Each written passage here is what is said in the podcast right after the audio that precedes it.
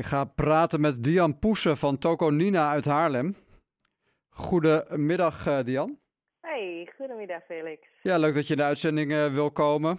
Ik uh, zei het al even in mijn eerdere introductie. je bent iemand die maaltijden bereidt voor Oekraïense vluchtelingen. Kun je ja, vertellen hoe je op het idee bent gekomen ja. en hoe dat eruit ziet? Nou, dus, nou, ik ben Dian. Ik heb een, klein afvalwinkel aan de Koningsstraat Haarlem, Toko Nina. Ehm, het verhaal over wij, hoe wij dit uh, gekomen is. Uh, we hebben dan onderzoek gedaan over de stichting uh, Haarlem voor Ukra Ukraine. Ehm, we zijn eind maart begonnen, eigenlijk. en dan zoals veel kleine bedrijven in de buurt, wij proberen donatie te verzamelen. Mm -hmm. ik zag voornamelijk geld en kleding worden ingezameld. Zo hebben wij eind maart een week spekhoekactie gedaan. En wij dat uh, alle winst uh, doneren wij aan uh, Haarlem voor Ukraine. Er zijn natuurlijk veel stichtingen, ehm, organisaties, maar we hebben gekozen voor kleine en in de omgeving. En dan na de Spekhoekweek kwam ik erachter dat Haarlem voor Ukraine meer hulp nodig heeft dan verwacht. Ja, en niet alleen geld, maar ook, ook voeding eigenlijk. Daar komt ja. het op neer, hè? Ja, nou, in het Hoe ben je daarachter gekomen? Ja, uh, dat is dan. Uh, dus ik kwam gewoon uh, naar de vergadering. Dus in het begin werden alleen maar honderden, rond 300 vluchtelingen verwacht. Maar op dit moment denk ik rond duizend, denk ik. En dan, ze zijn dan opgevangen in, in hotels en gezinswoningen. Het is heel aardig dat ze goed gezorgd. Maar dan, sommige gezinnen hebben geen groot budget. Nee.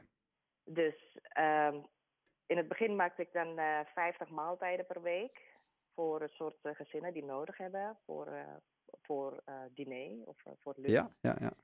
Maar nu in de loop van de tijd zijn meer vluchtelingen dan alleen maar 50 maaltijden per week. Dus...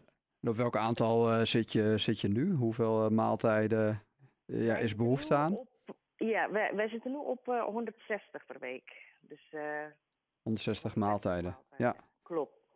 Enorm aantal. Ja, het is wel een best groot aantal, maar ze zijn echt zo dankbaar. Dus het is, het is heel, uh, ja, heel, heel lief. Hoe... En hoe, hoe merk je dat? Wat, wat hoor je van die uh, ja, mensen uit Oekraïne?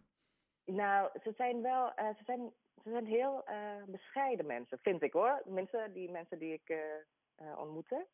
Dus stel als ik drie maaltijden heb, ze hebben alleen maar één nodig. Ze gaan niet meer vragen.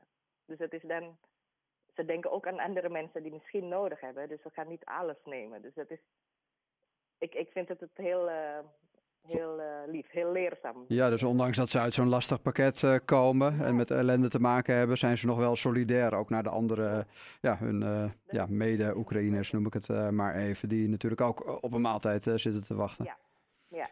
Um, er zijn wel natuurlijk uh, adressen waar, uh, waar ze kunnen eigenlijk eten halen. Dus er is een stem in de stad en dan ook in Bijneshal hebben ze ook. ze kunnen wel eten halen, maar er zijn vrouwen met jonge kinderen en oudere mensen met handicap.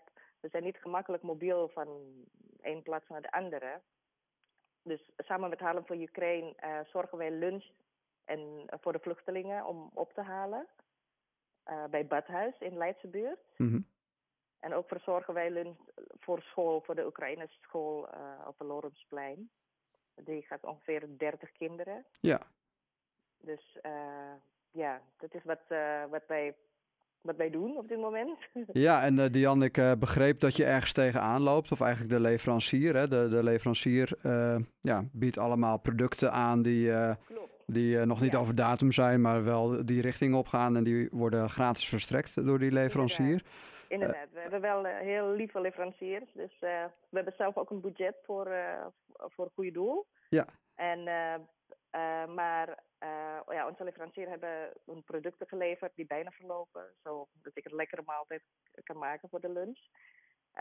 maar na dat 160 maaltijden per week, helaas die uh, onze voorraden van de leveranciers met de dag kleiner en kleiner geworden.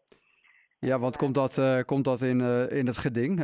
kun je nog wel straks die 160 maaltijden blijven bereiden? Of nou ja, heb je toch van, van andere kanten ook ja, meer vo voedsel, voedingsmiddelen heb je die nodig? Ja, die hebben wij nodig. We hebben nodig van alles eigenlijk. We kunnen wel brood gebruiken. We kunnen wel vlees gebruiken. Of rijst, pasta, van, van alles wat. Ik kan alles maken. Dus het maakt niet uit wat ik ik kan, ik kan alles ja, wat lekkers voor hem maken. Het is dan ja, want partijen die dit soort voedingsmiddelen over hebben, wat voor, soort, wat voor soort partijen denk je aan? Zijn dat dan supermarkten? Zijn dat andere type bedrijven? Ja. Supermarkt en groothandel hebben wij ook gevraagd. Um, nou, grote bedrijven, grote supermarkten helaas hebben ons afgewezen. Want het, ik begrijp het, dat toen de crisis begon, grote bedrijven worden gevraagd eerst te doneren. Natuurlijk, zoals ze moeten doneren, maar ja. dat hoeft eigenlijk niet. Maar ik denk natuurlijk dat ja, ze, ze, hebben veel te veel al misschien. Dus mm met dit gesprek hoop ik dat uh, er zijn andere bedrijven die openstaan voor mijn verzoek om hun restjes over te nemen. En ik, ik noem maar iets hoor, als, een, uh, als er een bakker is die denkt ik heb brood over aan het, aan het einde van de dag of het einde van de, van de week of een slager die vlees over heeft. Wat, ja, hoe kan zo iemand in contact komen met je? Graag. Dus ze kunnen contact maken via onze website, tokonina.nl. Dus ze kunnen ons mailen of bellen. Of direct naar Haarlem voor Ukraine. Ja. Alle hulp en ideeën is welkom. Dus, Duidelijk. Ja.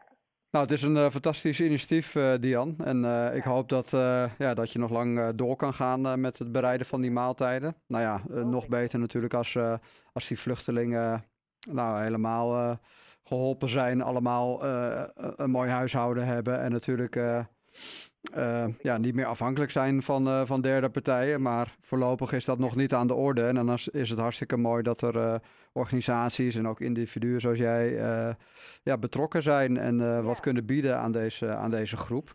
En nou, mooi dat je dat verhaal wilde vertellen, Diane, op de radio. En als er partijen zijn die uh, ja, voedsel over uh, hebben. Hè? Je noemde het al, brood, vlees, rijst. Eigenlijk alles. Uh, al, al, overal kan jij een maaltijd van maken. Dan ja, kunnen zij zich melden bij je. En ja. nou ja, hopelijk levert dat op. Iets op. Ja. Een, een laatste vraag, Diane, als je het goed vindt. Um, ja, wat voor soort maaltijden vallen eigenlijk in de smaak van de, de, de mensen in Oekraïne? Soep. Het is wel heel, heel grappig, want ze vragen soep. Dus uh, vorig jaar maakte ik dan uh, bami voor de kinderen op school. En dan uh, natuurlijk, iedereen hier uh, lust bami. Dus we vinden het ja. altijd lekker. Maar dan vraag je één kind, heb, heb je geen soep vandaag? Ik dacht, nou oké, okay, dan maak ik weer een soep voor jullie. Ze vinden soep altijd lekker. De soep is erg populair. Nou, dat is een mooie, mooie afsluiter. Ja. Bedankt, Dian. Nee, dankjewel. En ja, fijne paasweekend. Dankjewel. Ja, ook zo. Dian Poesen van Toko Nina uit Haarlem.